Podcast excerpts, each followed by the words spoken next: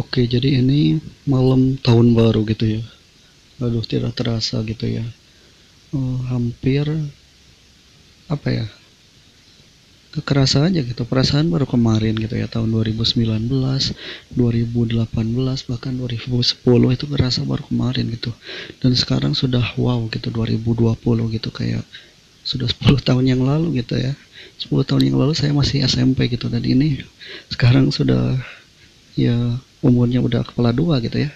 Nah oke jadi untuk kali ini itu saya ingin banget membahas uh, tren gitu ya tren tahun baru gitu kan.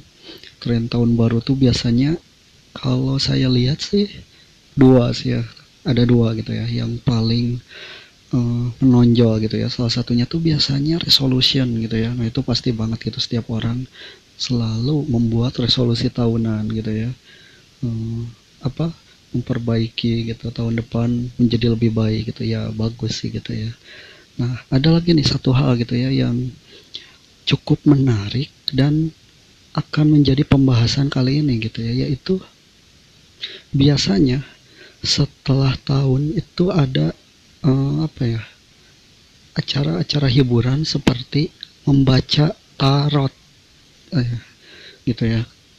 Ramalan tarot lah ramalan apalah gitu ya.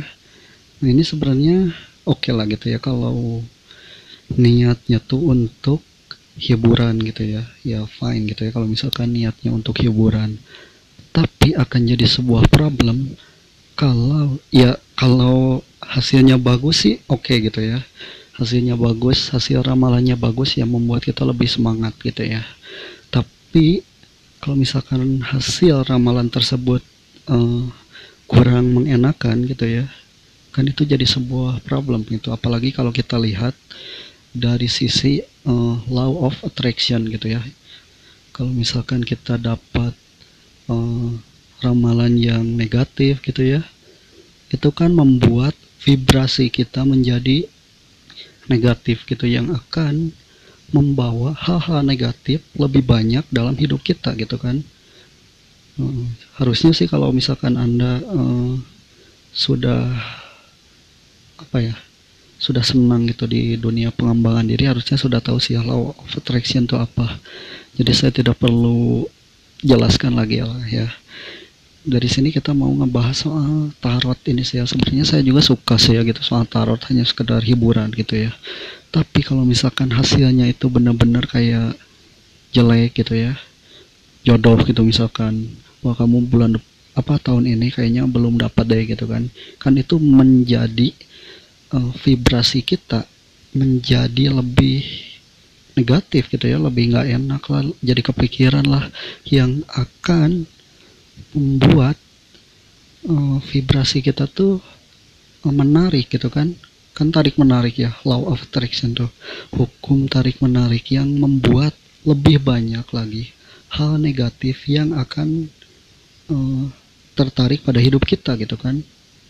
Nah itu malah bahaya banget gitu kan. Harusnya tahun baru penuh dengan makna gitu ya lebih bahagia kok ini malah lebih negatif gitu. Nah itu yang jadi problem tuh di situ gitu ya.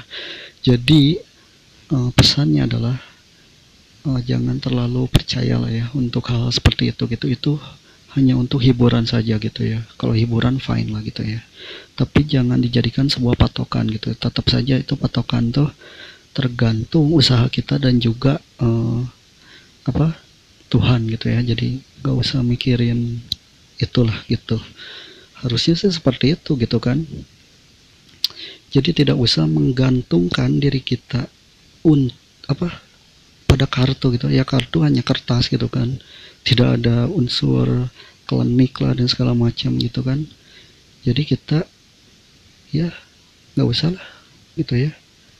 Mending uh, membuat plan membuat rencana dan execute rencana tersebut daripada ya apa ramalan lah tahun ini bakal dapat inilah entah kenapa gitu.